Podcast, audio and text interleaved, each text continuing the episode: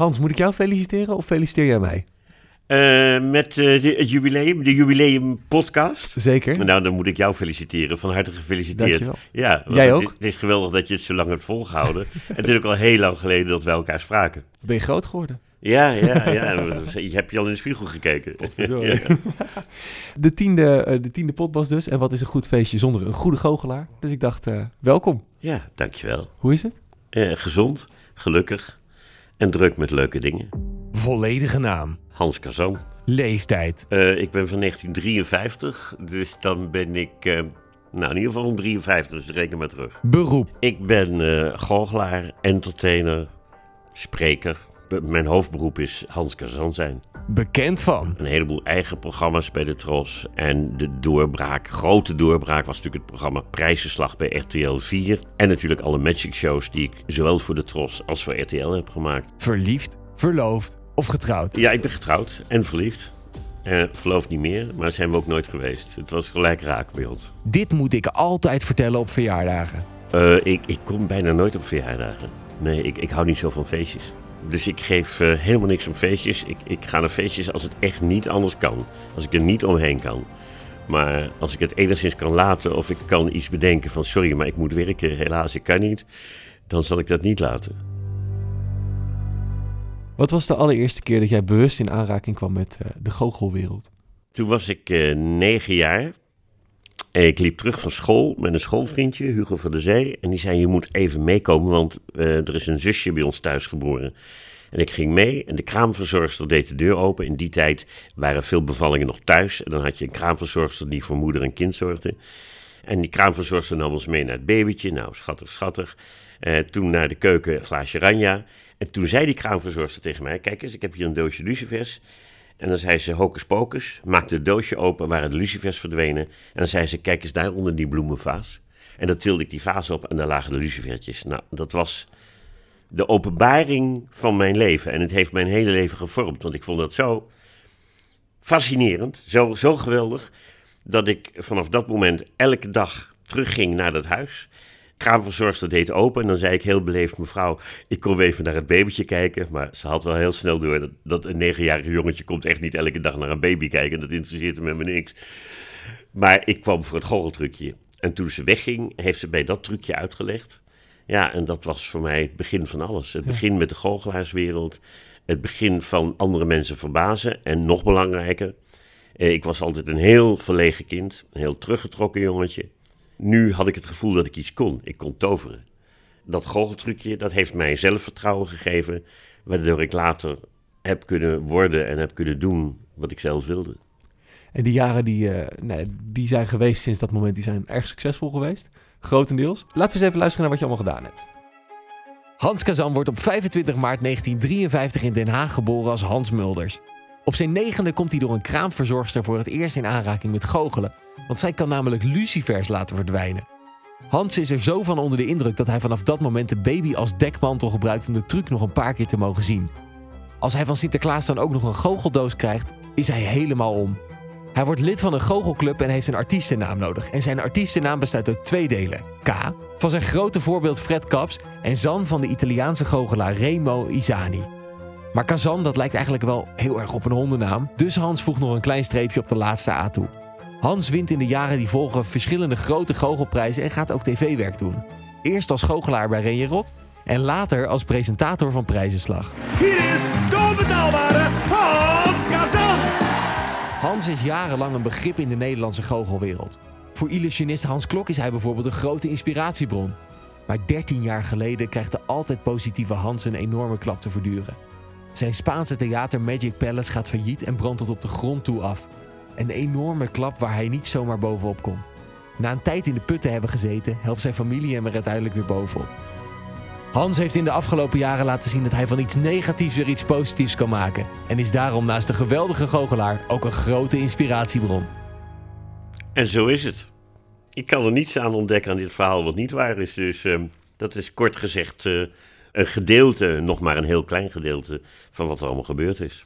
Wat zei jij bijvoorbeeld als je zelf de compilatie had mogen maken? Wat zou je oh, erin nee, dat, dat, ik, ik ga geen compilatie maken voor mezelf. Nee. daar, ben ik, daar ben ik heel slecht in. Ik, eh, ik vergeet ook heel veel dingen. Ik kan heel makkelijk dingen vergeten Of vergeet het niet, maar wel in de onderste la stoppen en denken, nou, die doe ik niet meer open. Maar als ik jou nou zou vragen van trek die laas open, wat voor verhalen zouden erin zitten? Of is dat echt, eh, je wordt getriggerd op een bepaald punt? Ja, ja, nee. Het zijn natuurlijk verhalen uit je privéleven. Over, over, over dingen die gebeurd zijn. Over uit mijn werk. eh, Dingen die mij gestoord hebben.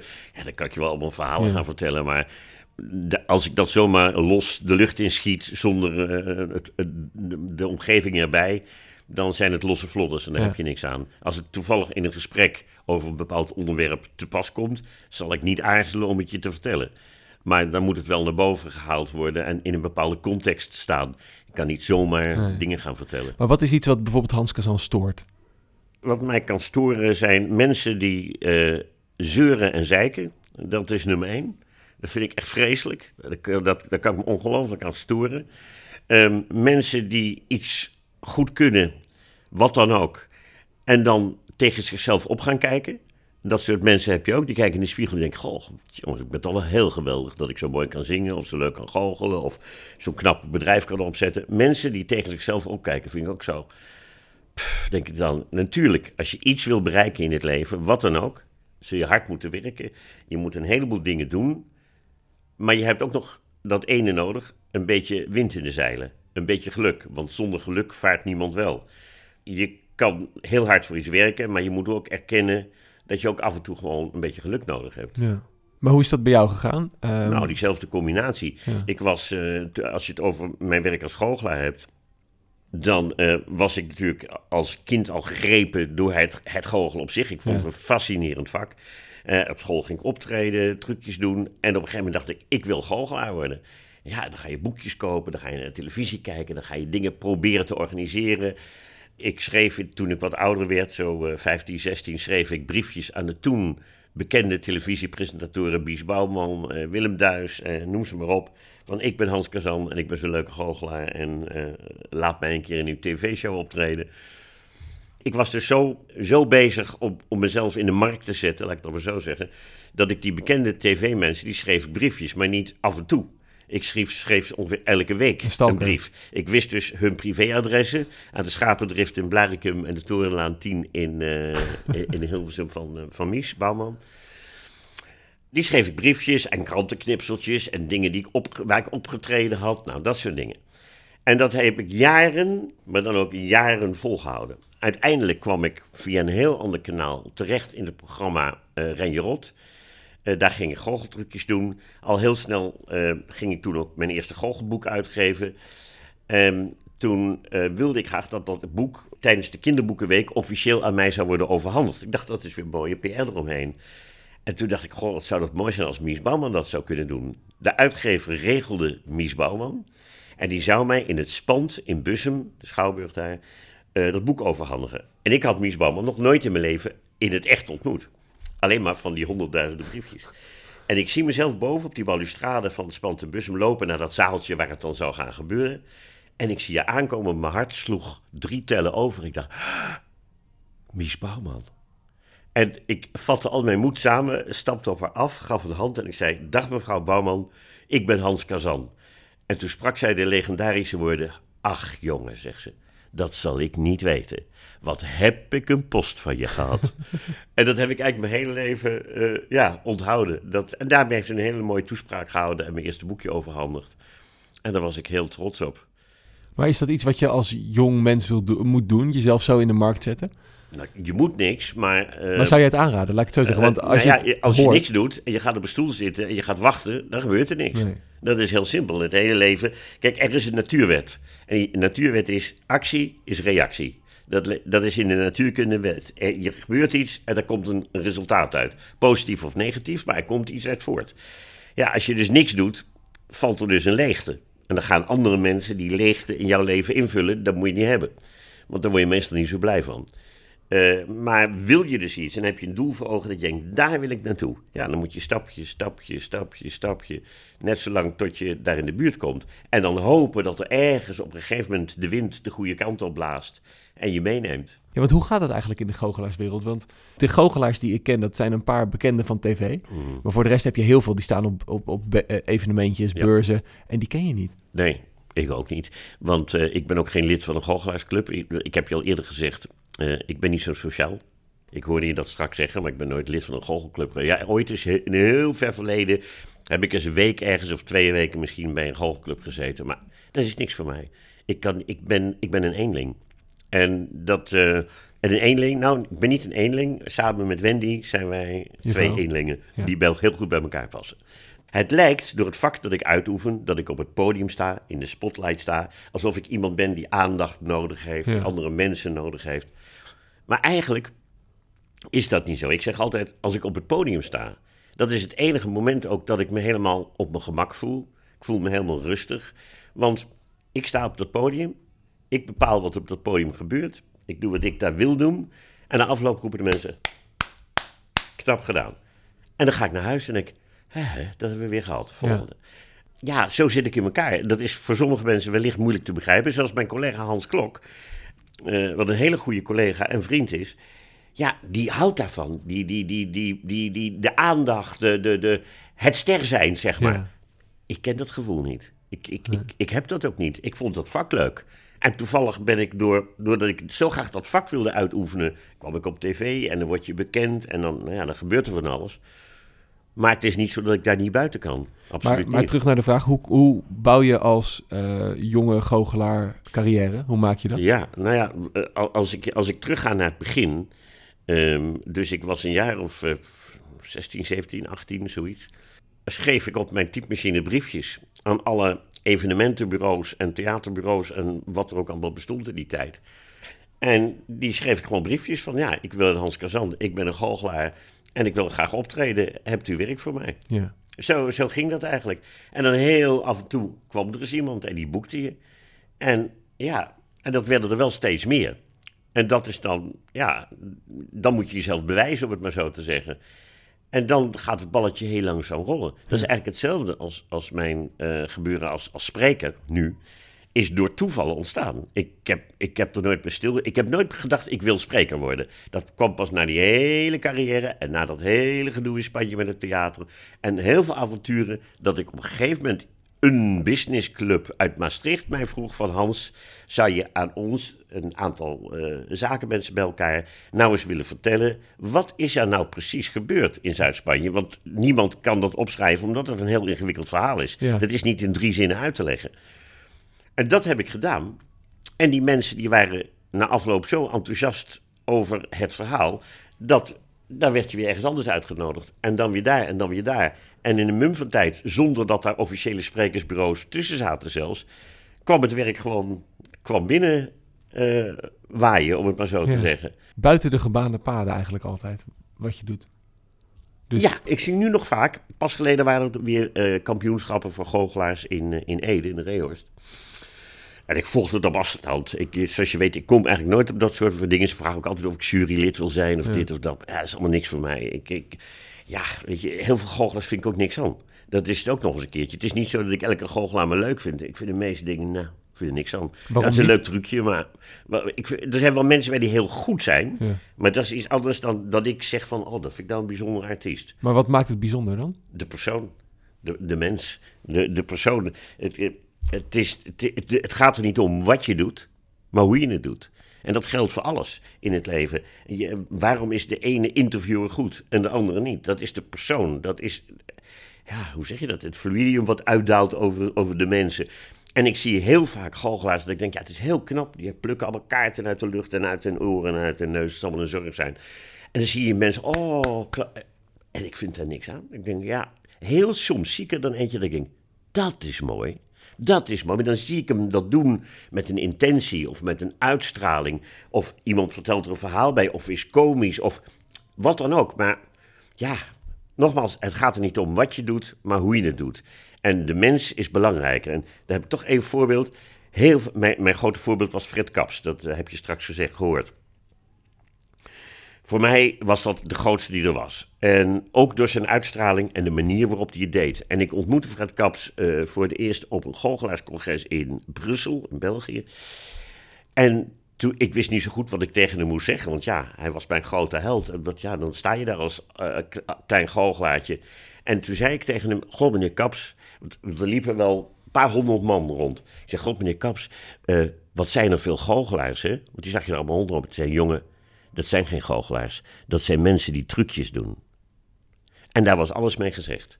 En dat heb ik ook mijn hele leven onthouden. Dat zijn geen goochelaars, jongen. Dat zijn mensen die trucjes doen. En iemand die een trucje doet, is nog geen goochelaar. En iemand die de vlooienmars kan spelen, is nog geen, geen pianist. Klaar. Bij goochelaars denken mensen altijd maar dat het gaat om de truc en om het verbazen. En als die truc maar goed is, nou, dat is de knappe goochelaar. Maar probeer je voor te stellen dat in deze ruimte waar wij nu zitten, daar staat een vleugel. En daar staat een muziekstukje van meneer Mozart op. Ik laat twee studenten binnenkomen van het conservatorium, die alle twee met een 9 zijn afgestudeerd. Ze spelen alle twee in dezelfde akoestieke ruimte, op dezelfde vleugel, dezelfde noten van Mozart. Bij de een denk je, ik vind er geen bal aan. Wat een stomme houthakker op die vleugel. En bij de volgende denk je, wauw, wat is dit mooi. Dit, dit, is, dit is mooi. En wat is het verschil? Het verschil is de mens, Ja. de persoon die het doet en de manier waarop die het doet. In theorie is alles hetzelfde. Maar het is niet hetzelfde. Het verschil zit hem hier in die ziel, in de bezieling van de muziek, in de bezieling van de truc, in de bezieling van het entertainment, in de bezieling van het woord. Ja. Daar zit het in. Hoe ben jij geworden wie je bent? Wie hebben jou gemaakt? Of heb je dat zelf gedaan? Ja, dat is misschien een gekke vraag. Nee, dat is een hele goede vraag. Ehm, Want ik ik, hoor- besta uit twee delen. Ja. de eerste plaats ben je altijd mezelf, zoals ik ben. En in de tweede plaats ben ik op latere leeftijd bijgevormd door Wendy, door mijn vrouw. Voordat ik Wendy leerde kennen, was ik eh, niet gelukkig. Ik, ik was een ongelukkig iemand, voelde me nooit prettig. Eh, was eh, een, een ne- nerveuze, eh, onzekere zenuwpees. En ja, ik was gewoon niet blij. Ik was gewoon geen blij mens.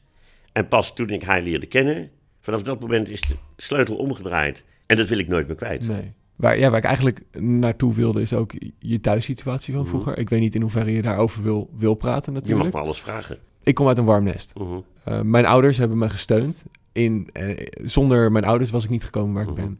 Bij jou zit dat anders. Mhm. Welke rol hebben zij gehad in wie jij nu bent?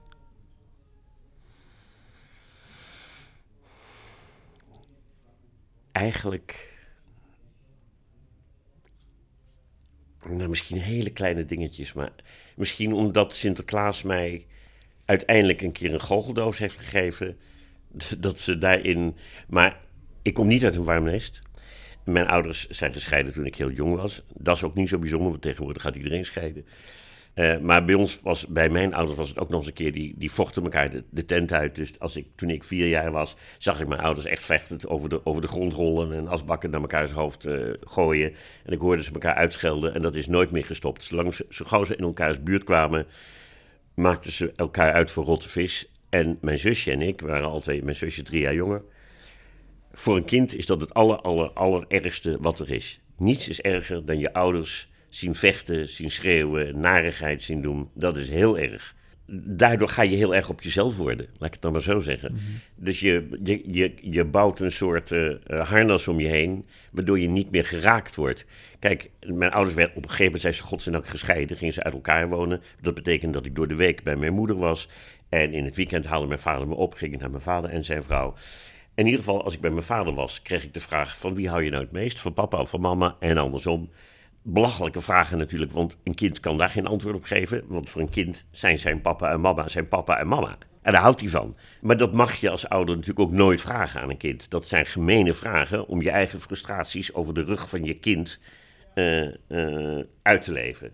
Heel veel later, toen ik uiteindelijk echt afscheid heb genomen van mijn ouders en dacht, ik hoef ze niet meer te zien, want dit eh, is vreselijk, kwamen er nog wel eens eh, berichten tot mij vanuit de omgeving, familie, van, maar het is toch je vader? Of het is toch je moeder? Dat klopt. Ik zeg maar, kinderen hebben er niet om gevraagd om geboren te worden. Die vader en die moeder hebben jou gemaakt. Dat betekent dat de vader en de moeder die dit kind gemaakt hebben, een verplichting hebben tegenover het kind. Een verplichting om voor het kind te zorgen en het zo goed mogelijk naar volwassenheid te brengen. Dat kind heeft geen enkele verplichting tegenover die ouders. Liefde en respect. En mensen zeggen, het zijn toch je vader en moeder, dus je moet van ze houden. Ik zeg, wat een waanzin. Liefde en respect moet je verdienen. Ouders verdienen liefde en respect door hoe ze zich gedragen tegenover jou. En dan kunnen ze de liefde verdienen en dan kunnen ze het respect verdienen. En dan is het het mooiste dat er is. Dan is het echt het mooiste dat er is. Maar het is er niet zomaar omdat ze toevallig een keer Fookie Fookie hebben gedaan. Dan denk ik, donder op zeg, die Ja. stommerheid. Dat, dat, dat, daar kan ik echt heel kwaad van worden. Dan denk ik van, nee. Ouders moeten liefde en respect verdienen. En die moeten ook hun kinderen goed behandelen. Als ze dat niet doen, zijn het slechte ouders. Ja. Klaar. Maar de negativiteit waar je uitkwam, je bent een hartstikke positief mens. Ja, dat zit in mijn karakter. En dan zeg je, heb je- dat dan van je vader en moeder? Dat weet ik niet. Geen idee. Eh, misschien heeft het wat overgeslagen en misschien ook niet. Ik of denk, is het omdat je weet hoe je het niet wil? Nee, nee, nee. Ik denk niet dat dat juist mij gemaakt heeft eh, tot dat ik daarom het leven anders aangepakt heb. Het is gewoon. Ja, positiviteit heeft eigenlijk altijd in me gezeten. En ik weet wat ik straks zei. Toen ik klein was en er was weer zo'n situatie thuis. En als kind hoor je dat. En je trekt je terug in je kamertje, je trekt de deken over je hoofd en je neemt je knuffelbier mee en je denkt, ik wil het even niet weten. Ik scherm me af van de buitenwereld. Ja, dat betekent dat je je wereldje heel klein maakt. Want waar, als je als kind geen vertrouwen kunt halen bij je ouders, waar haal je het dan? Bij jezelf. Toch? Tenminste, zo is het bij mij gegaan. Dus mijn wereldje werd heel klein. En ik dacht, ik zorg wel voor mezelf. Op een gegeven moment, ja, nou ja, zo is het op een gegeven moment gegaan. Dat is een te lang en te ingewikkeld verhaal. Hoe belangrijk zijn ouders in het succes wat mensen hebben? Want Kim Holland, die ik in mijn podcast had, haar ouders zijn overleden. Ja. Arjen Lubachs moeder is overleden. Ehm, de moeder van Jack Chirac, die ik gesproken heb, is overleden. Er, de meeste mensen die ik tot nu toe gesproken heb, die hebben een lastige thuissituatie gehad. Maakt dat je succesvoller? Ik denk ehm, dat tegenslag eigenschappen naar boven brengt in een mens die latent aanwezig zijn. Elk mens heeft bepaalde talenten in zich, welk talent dan ook. Maar sommige talenten blijven onder de oppervlakte sluimeren. En soms maken tegenslag en de ellende zorgen dat die dingen naar boven toe komen. Word je te veel, ben je te, word je te lief behandeld, word je te veel gepamperd, om het maar zo te zeggen, dan wordt het, ga je wat makkelijker leven. Want dan heb je die druk niet zo, begrijp je? Dus het zou kunnen, ik ben geen psychiater, dus ik kan het je, ik, ik kan het je niet echt uitleggen, maar ik denk dat het die eh, onderdrukte gevoelens zijn die, die, die, eh, waardoor die dingen naar boven toe komen. Je talent naar boven komt, je wilt meer je eigen weg gaan. Je denkt, als ik geen hulp heb, dan doe ik het wel op mijn manier. Maar dat moet ook in je karakter zitten natuurlijk. Hè? Ja. Ja, het is een combinatie van factoren. Wat kwam er bij jou naar boven? Nou ja, dat ik, ik, ik wilde dus al heel jong, vanaf mijn negende, goochelaar worden. En waarom wilde ik goochelaar worden? Dan kon ik op mijn eentje de wereld in. Zo zag ik dat als kind. Dan kon ik op mijn eentje de wereld in, goocheltrucjes doen, mensen laten lachen, mensen naar de zin maken en mijn boterham verdienen. En daar had ik niemand voor nodig. Nee. En dat gevoel heb ik nog steeds. De, nee, de afgelopen jaren zijn succesvol geweest voor je. Mhm. Maar je hebt dus ook tegenslagen gehad, wat je ook al zei. Ehm, het Spaanse theater, wat mislukte. Uh-huh. Wat, ja, wat, wat voor effect heeft dat? Eh, eh, Dat heeft je bijna uit het veld geslagen, hoorde ik. Eh, ja, dat was een hele zware. als ik dat kort wil vertellen, ben ik eigenlijk pootje gelicht. Dat, Ja. als, dat is, om het maar heel simpel uit te drukken, door iemand waarvan je het niet verwacht had, maar dat is altijd zo. Ja. Iemand die je vertrouwt en die je in feite onderuit schoffelt. Dat is even heel simplistisch uitgelegd nu, maar anders wordt het vrij ingewikkeld Want je had de droom om een theater te maken? Ja, natuurlijk. Dat was mijn grote droom. Was om samen met. Kijk, mijn kinderen waren inmiddels ook in dit vak terechtgekomen als illusionisten. Reisden, reisden en reizen nog steeds de wereld rond om overal op te treden.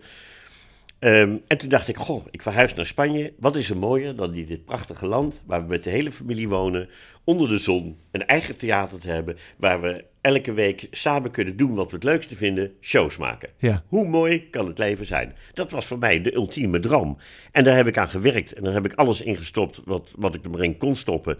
Aan, aan, aan, aan de geldmiddelen die ik had. Maar ook aan de, aan de werklust, aan de emotie, aan het gevoel, aan alles. Daar heb ik echt alles in gestopt. En toen dat op een gegeven moment, eh, ook nog achteraf, maar dat is allemaal pas achteraf, hè, bewust eh, ben ik pootje gelicht.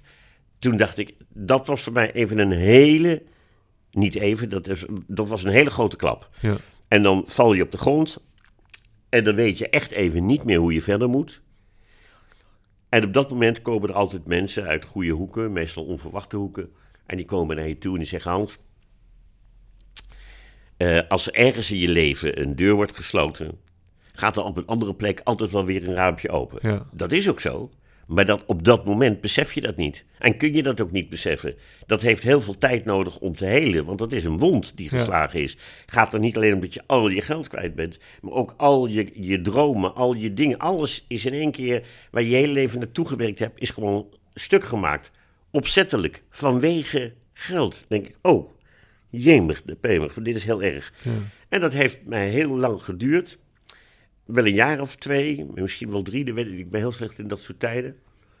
Maar op een gegeven moment was ik, daar- dacht ik echt, ja, hoe moet ik in vredesnaam verder? En ik weet nog dat Oscar, mijn oudste zoon, tijdens zo'n eh, negatieve bui van mij, die kwam naar me toe en die zei, papa, ik heb een film gezien van eh, eh, Sylvester Stallone over Rocky Balboa, de bokser. En ik haat die films, want ik, ja, ik hou niet van boksen en dat soort dingen.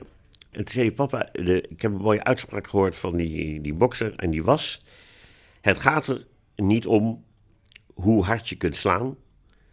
Nee, het gaat er niet om hoe goed je kunt slaan. Het gaat erom hoe goed je kunt incasseren. En dat raakte bij mij iets. dacht ik, ja, verdomme, dat ben je ook een lul. Dat je hier zit te zeuren over geld en over dat je dingen kwijt bent en dat je verloren bent. Het verleden kun je toch niet meer veranderen. Weet je, het verleden kun je niet veranderen. Dus heeft het zin om te praten over wie jij, dit jou aangedaan heeft? Nee. Heeft het zin om te praten over de situatie die zo... ver- Nee. Heeft allemaal geen zin. Er is maar één ding mogelijk. Accepteren. Je moet accepteren dat het zo is. Het verleden kun je niet veranderen. Accepteer dat. En vanaf dat moment richt je ogen op een nieuw doel in de verte, waar je naartoe wil. Bedenk de stappen die je wil maken om daar naartoe te komen. Accepteer dat je onderweg die stappen wel eens moet veranderen. En begin met de eerste stap. Elke dag een klein stukje. En elke dag een kiezelsteentje. Het is een bekende, maar elke dag een kiezelsteentje. Nou, heb je na een jaar wel een flinke berg. Ja. En zo gaat het gewoon. En het zetten van die eerste stap, dat is het begin weer van een nieuwe weg. ja. En that's it. Maar dat klinkt nu achteraf natuurlijk heel makkelijk. Dat klinkt heel makkelijk en dat was het niet. Ehm, want daarvoor moet je jezelf eh, in de hand hebben. En jezelf in de hand krijgen is soms wel eens heel moeilijk. En dan is het mooi als je in je omgeving natuurlijk mensen hebt waar je op kunt vertrouwen en bouwen. In mijn geval was dat Wendy en waren dat de kinderen. Die mij alles, door alle momenten heen, altijd gesteund hebben. Dus dat was al fijn. Maar het uiteindelijke kleine waakvlammetje wat weer moet gaan branden, dat moet in jezelf zitten. Ja. Dat moet, er, dat moet in jezelf zitten. Dat kan een ander niet. Ze kunnen hun best doen. Ik bedoel, Wendy dacht in het begin ook van... ja, wat moet ik nou doen met Hans? Hij is zo verdrietig en het is zo naar en hij voelt zich zo... En als ach Hans, ach, wat vervelend nou voor je. hè, pa, pa, pa." Maar dat hielp niet. Toen dacht ze, nou moet ik het misschien anders aanpakken. Moet ik een keer een goede schoppel in zijn kont geven van... Hans, nou niet meer zeuren en aan het werk jij. Maar dat werkte ook niet. Het was door de tijd dat we samen eigenlijk hand in hand door die do- donkere tunnel liepen. En dat nam tijd, en dat nam tijd, en dat nam tijd tot er ergens aan het eind een klein lichtpuntje kwam. En toen in één keer begon dat weer, Ja. ja, begon het weer te leven. Eigenlijk vertrouwen dat het goed komt. En hoe, Absoluut, ja. dat weet je niet. Nee, hoe weet je niet? Nee, Nee. nee, nee, dat weet je niet. Nee. Dat kun je niet bedenken van tevoren. Nee, want mensen die deze podcast luisteren, ik, nou ja, ik zelf momenteel ook, eh, in mijn, in mijn werksituatie zijn er wat veranderingen. Mijn contract wordt bijvoorbeeld niet verlengd. Ja. Dat is een enorme opdonder Ja, die je krijgt. Maar ja, je kan twee kanten op. Je kan of heel erg gaan balen, denk ik, van kijk mij zielig zijn. ja. Of denken, het komt wel weer. Ja, en het komt wel weer. Want dat is het gewoon. Kijk, jij, jij gaat, ondanks dat je dat weet, ga je toch hier zitten. Je gaat een gesprek doen met Hans Kazan. Nou, mooi. En dan ga je weer laten horen. En dan gaan weer mensen naar luisteren. En dan zeggen mensen dit of dat. Er is een stukje afgesloten. Als dat zo is, hoe moeilijk het ook is, accepteren. Want je kan niet meer terug. Dat kan niet. Accepteren, dat is al heel moeilijk. Maar als je dat voor jezelf, oké, is geaccepteerd. Volgende belangrijke stap, nieuwe doel. Het nieuwe doel is daar. En welke stapjes ga ik zetten? Ik ga die stapjes zetten. En je moet van tevoren al beseffen, ik heb een plan. Als het helemaal loopt zoals ik wil, ben ik op dat, dat moment daar. Maar je weet, onderweg komen er altijd dingetjes, altijd struikelblokken. Ja. Dus je moet bereid zijn om onderweg je plannen te veranderen of zelfs compleet om te gooien. Want dat kan gebeuren. Ja. Maar dat komt wel op je weg. Maar als je je ogen maar gericht blijft houden op het einddoel, dan maakt het allemaal niet uit. En dat komt vanzelf weer. Tuurlijk komt Vaak, dat. vaak bij zo'n houding, eh, zo'n optimistische houding, wordt er misschien gezegd, joh, ben je, je bent een beetje naïef. Je, je, je, Ja. je, je, je wil het Ja. beste zien, in, maar wees eens realistisch. Ja, ja, nee, de- de- laat je door dat soort mensen vooral niet onlullen. Sorry voor het woord, maar eh, dat moet je echt niet doen. Want dat doen mensen maar al te graag. Van, nou, weet je, ja, het is toch niks voor jou. En dat wereldje met al die mensen, gaat erop. Nou, niks voor... Daar moet je allemaal niet naar luisteren. Allemaal die mensen brengen, gaan je proberen voorzichtig jouw enthousiasme af te breken. Jouw gevoel. Jij, weet, jij weet zelf wel wat je wil. Jij weet heus wel wat je wil. Nou, daar ga je naartoe. En dan laat je niet tegenhouden door, door, door die mensen die zeggen, nou, dat is niks voor jou. Nou, nee, ja, je hebt het nou gezien, dat radiowereldje. Dat is allemaal niks, hè. Oeh, niks van aantrekken. Alsjeblieft niet. Ga, ga liever iets goeds doen waar je goed geld mee kunt verdienen. Hè? Ga een leuke studie doen. En allemaal niet doen. Allemaal niet doen. Als je weet dat je daar naartoe wil, dan moet je daar naartoe gaan en laat je niet ompraten door al die mensen. Wees stront eigenwijs. Hoe deelt Hans Kazan met kritiek? Daar kan ik heel goed tegen. Ja, daar, daar heb ik niet zo last van. ehm, omdat, maar daar komt hij weer. Omdat het me eigenlijk totaal niet interesseert wat de mensen van mij vinden. Ja, het is heel simpel, zeg ik altijd. Als je optreedt eh, voor een groter publiek, hè, en of dat nu in een theater is of, in, eh, of, of voor televisie of radio of wat ook. De helft van de mensen vind je leuk en de andere helft vind je een vreselijke eikel. Nou, ja, dat is jammer voor die mensen die mij een eikel vinden. Gefeliciteerd, denk ik dan. Maar dat interesseert me helemaal niks. En de mensen die het leuk vinden, denken, oh leuk. Nou, die vinden het fijn. Nou, mooi. Maar hoe was het aan het begin? Toen je, toen je net begon, had je dat toen ook al? Eh, nou, je moet altijd even wennen natuurlijk, want ik ben natuurlijk heel jong begonnen. En als er dan mensen komen van, ja, maar die goocheltrucjes die jij doet, dat is de, vooral collega's zijn er dan goed in, hè, collega-goochelaars of zo. Niet de, de goede te nagesproken hoor, maar, maar die zijn er altijd van, ja, Hans Kazan, die kan helemaal niet goochelen. Ja, hij kan een beetje praten, maar voor de rest, eh, nou, stelt hij er veel voor. En bij mij wekte dat op van, wacht jij maar af. Ik spreek je later. Doei. Wat was de eerste kritiek die je kreeg, weet je dat nog? De eerste die echt impact op je heeft gemaakt. Hmm.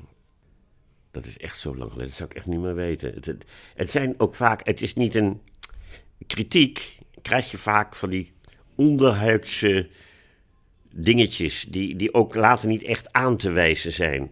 Van, eh, tja, het was een beetje, ja, hoe zou ik het zeggen, dat optreden van jou? Tja, ja, dat was leuk hoor, maar tja, dat soort dingen. Je, dan- wat bedoel je nou? Zeg nou eens wat- gewoon wat je wil. Of zeg wat je ervan vindt. Zeg van, nou, ik hou niet van jouw stijl, want ik vind jou een eikel. Nou, en hoe, hoe leuk je ook met die kaarten kan goochelen, ik vind jou niks. Dan mag je rustig zeggen tegen me, dat maakt niet. Dan denk ik, ja, dat- jammer dan. Dan ga ik naar iemand anders die, die het niet uitmaakt dat ik er als een eikel uitzie. Ja, maakt mij dat nou uit. Ik, ja, ik, ik heb met kritiek nooit zo heel veel moeite gehad, eerlijk gezegd. Ik kan het heel makkelijk naast me neerleggen. Natuurlijk is, is het leuker als ze roepen, wat is hier geweldig en wat is hier goed, natuurlijk. Hè, dat, is geweldig. Wat is er leuker dat je in je eigen theatershow staat, waar mensen speciaal voor jou komen. En je komt het podium op en die mensen zeggen, "Hey, Elsie." Ja, natuurlijk is dat leuk. Natuurlijk is dat leuk. Maar als het niet zo is, denk ik, ja, nou ja, dan niet. En dan stap ik nou toch weer in mijn auto en dan vergeet ik het snel. Mensen die aan het begin staan van hun carrière, die krijgen ook kritiek. Die, Mhm. die, die, eh, nee, je, je maakt bijvoorbeeld, ik maak deze podcast. Mensen die, eh, sommige mensen die zeggen, ik vind er geen hol aan. Ja. Ik, vind- ik vind er helemaal niks aan. Hoe, hoe kun je het best dealen met kritiek? Volgens jou. Want je, eh, jou doet het niet zoveel, maar... Nee, als het je wel wat doet, Ja. ja. Ja, dat, dat, dan, ligt, dan zul je toch jezelf moeten veranderen. Want die kritiek ga je niet veranderen. De kritiek is die kritiek, dus je kan alleen maar jezelf veranderen. En dat betekent dat je jezelf bij die mensen moet denken, nou jongens, dan niet. Maar dan ga ik het wel aan iemand laten horen die het wel leuk vindt. Doei. Ja. Want weet je, daar heb je, daar heb je niks aan. Vroeger, Joop van den Ende heeft me ook eens een keer zoiets gezegd. Eh, jongens, daar moet je niks van aantrekken. Gewoon, eh, willen zij niet? Nou, eh daar, dan ga je verder. Doei. Als, als iemand al begint in, met een negatieve toon in een gesprek en zegt... dan moet je niet eens de moeite nemen om verder te praten, want dan kom je er toch niet. En dan moet je dwars door een muur. Je moet met mensen praten zeggen, oh leuk, wat gaan we doen? Oké, we gaan een mooi plan maken. En Dit, oké, leuk. Ja. Als mensen wel zeggen, ja, ja, maar... Ik weet het niet. Ik, dat, ik weet niet, als ik jou zo aanneem en ik, ik zie jou zo praten en ik zie jou zo... ja, dat, dan ben je al, denk ik, hou op. Ga weg, man. Ga je tegen iemand anders sturen, maar niet tegen mij. Daar, ga- ik mijn tijd niet aan besteden. Je moet met positieve mensen samengaan. En mensen die zeuren en je in een negatieve spiraal naar beneden trekken, links laten liggen. Echt, is het allerbeste advies dat er is. Laat ze links liggen, want ze trekken je in een negatieve spiraal naar beneden. Je moet werken met positieve mensen. Je moet je omringen, eigenlijk, met positieve mensen. Alleen maar. En de zeurders, weg ermee. En laat ze lekker in een zeurhuisje gaan zitten, deurtje op slot, lekker met z'n allen zeuren. Helemaal goed. Begeleid je jong talent? Nou, nee en ja. Ik begeleid natuurlijk mijn eigen kinderen. Niet eens zo heel veel, maar als ze me iets vragen, dan ben ik er altijd. En ze vragen me gelukkig heel vaak. Dat is heel fijn voor mij en voor hen ook goed, denk ik. Andere mensen begeleiden. Soms denk ik wel eens. Kijk, ik, ik, ik spreek nu heel veel voor bedrijven. En na afloop krijg ik heel veel mensen die roepen: van, Goh, daar heb ik wat aan gehad, of daar heb ik wat van geleerd, of daar ben ik wat wijzer van geworden, of wat dan ook. En ik weet dat tegenwoordig jonge mensen die eh, van school komen, eh, allemaal zitten met dat probleem. Ja, wat moet ik nou later gaan doen? Hoe en wat? En ja, en die ook die, die, die, die ouders hebben van, nou, ik zou maar dat gaan studeren. Want dan kun je later dokter worden of advocaat. Nee, hou erop. Als, als je het echt niet wil, ga het vooral niet doen. Ga het vooral niet doen. Dan, dan ga je je ongeluk tegemoet. Eh, die stomme verhalen allemaal. Je moet doen waar, wat je wil. Waar, waar je blij van wordt. Wat je energie geeft. Want da- daar gaat het om. Je moet energie krijgen in je leven van iets. En als jij energie krijgt van eh, mensen een verhaaltje ontlokken, dan moet je dat vooral doen. En dan, dan moet je niet eh, zeggen, ik word huisarts. Eh, hou op zich. Dan moet je de hele dag met die steenpuizen van de buurvrouw. Hou op, hou op, hou op. Hoe, hoe. Je moet er niet aan denken. Maar ja, sommige mensen zien dat als iets geweldigs. Van, ja, ik overdrijf, ik chargeer, dat weet Ja, ik hoor. tuurlijk, tuurlijk. Maar ja, je moet gaan voor iets wat je leuk vindt en wat je energie geeft. En dan word je vanzelf goed. En dan komt vanzelf uiteindelijk dat geld wat je nodig hebt om een leuk leven te kunnen leiden. Dat komt vanzelf wel. Dus vertrouw op jezelf ook. Absoluut. Op je eigen keuzes. Absoluut. 100%. En vooral laat je niet te gauw naar beneden praten. Door de men, iedereen kent wel die, die, die, die energiezuigers. Mensen die je vertellen. Nou, ik zou dit bij de radio werken. Dat is toch ook geen vak. Ja, ik vind het zonde van al die jaren dat jij daar in die studio in zo'n donker kamertje hebt gezeten. Schiet je daar nou mee op? Nou, dat soort gezeur. Weg ermee, weg ermee, weg ermee.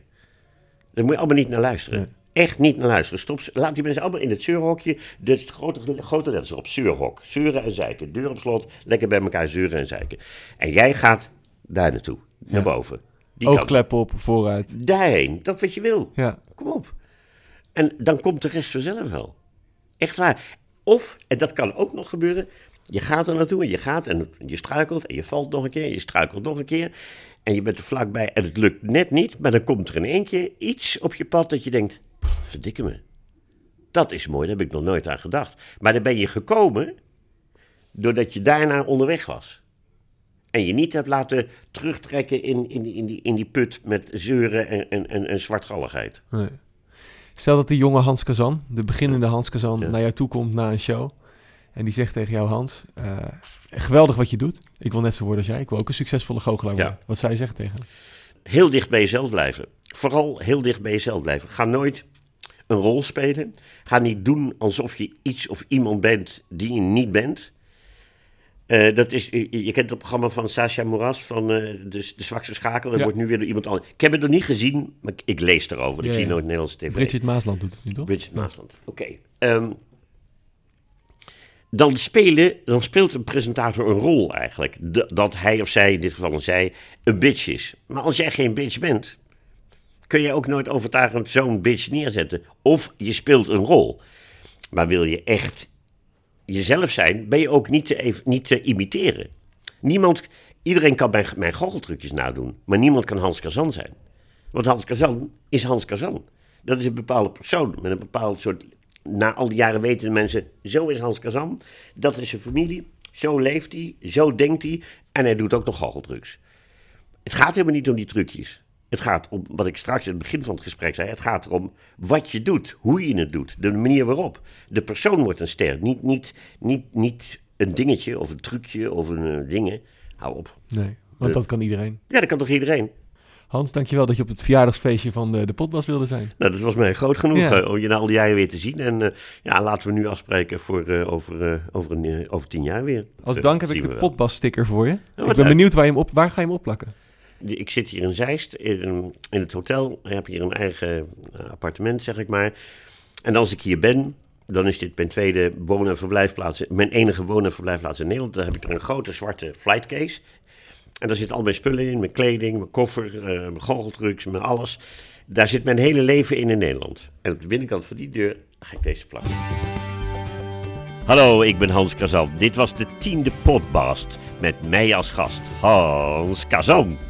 En als je dit een interessante podcast vond, laat dan een leuke recensie achter op iTunes of YouTube. Op die manier krijgen meer mensen de podcast te horen. Als je in je Instagram story zet dat je deze podcast luistert en je tagt de radiomeneer erin, maak je ook nog eens kans op de podcast sticker. Nou, ik hoop dat ik het allemaal zo goed heb gedaan. Ik vond het een plezier om in dit eh, programma gast te mogen zijn. En ik wens jullie, luisteraars, allemaal nog een hele mooie.